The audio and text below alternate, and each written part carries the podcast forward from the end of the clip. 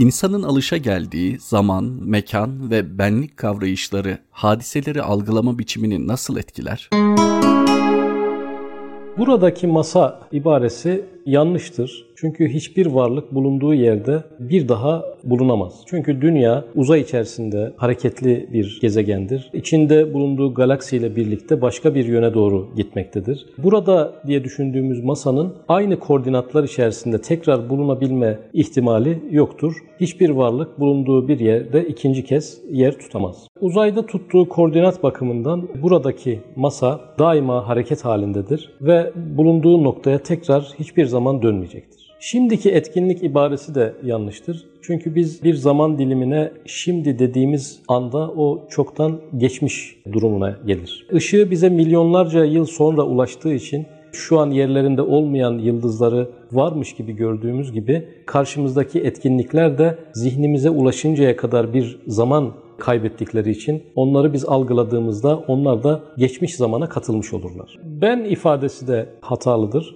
Çünkü insan bedeni hücreler bakımından sürekli değişmektedir ve eski bedenden bir parça dahi kalmamaktadır. Sürekli değişen bir bedene insanın ben ismini vermesi elbette isabetsizdir. İşte bu saydığımız üç kavram ben, şimdi ve burada hakikatte doğru olmasalar bile hayatın ilerlemesi için faydalı ve lüzumludurlar. Fakat mekan düzleminde insanın kendisini buraya sıkıştırması, zaman bakımından kişinin kendini şimdiye hasretmesi ve yaşadığı olaylar bakımından kendisini bir hedef tahtası yapıp benin ve bedenin içerisinde kendisini algılaması elbette onun işini kolaylaştıran değil, zorlaştıran yaklaşımlardır. Kendini şimdiye ve buradaya ve bene hasreden, tabiri caizse çivileyen birisi yaşadığı sorunların en acılı, en sıkıntılı, en hırpalayıcı taraflarına da kendisini muhatap etmektedir. Şimdi kavramını ele alalım. Cenab-ı Hak insanı geçmişin herhangi bir bölümünde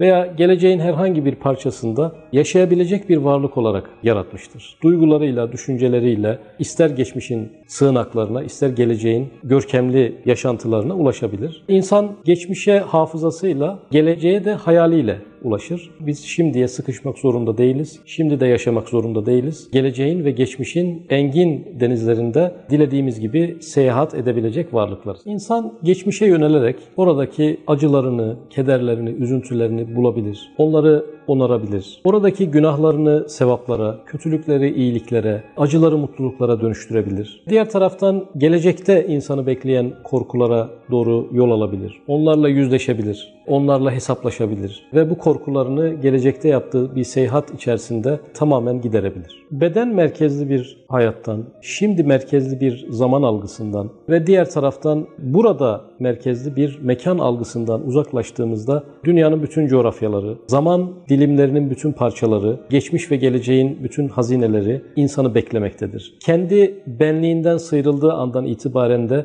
bütün insanların benlerinde yaşayabilir, onların kabiliyetleriyle övünebilir, onların yeteneklerini, zenginliklerini, mutluluklarını sahiplenebilir ve bu dar alandan, kendi benliğinin sıkıntılı alandan kurtularak çok ferah iklimlere açılabilir. İşte insan şimdinin dar alanından, buradanın kısıtlı imkanlarından ve benliğin daraltan yanlarından uzaklaşıp bu konularda kendisine sağlanan imkanları, geçmiş ve gelecek zamanı ve öteki benler üzerinde yaşama imkanını elde eder ve hadiselerin en sıkıntılı, en hırpalayıcı taraflarından korunmuş, onların en ferah verici, mutluluk getirici yanlarıyla muhatap olmuş olur.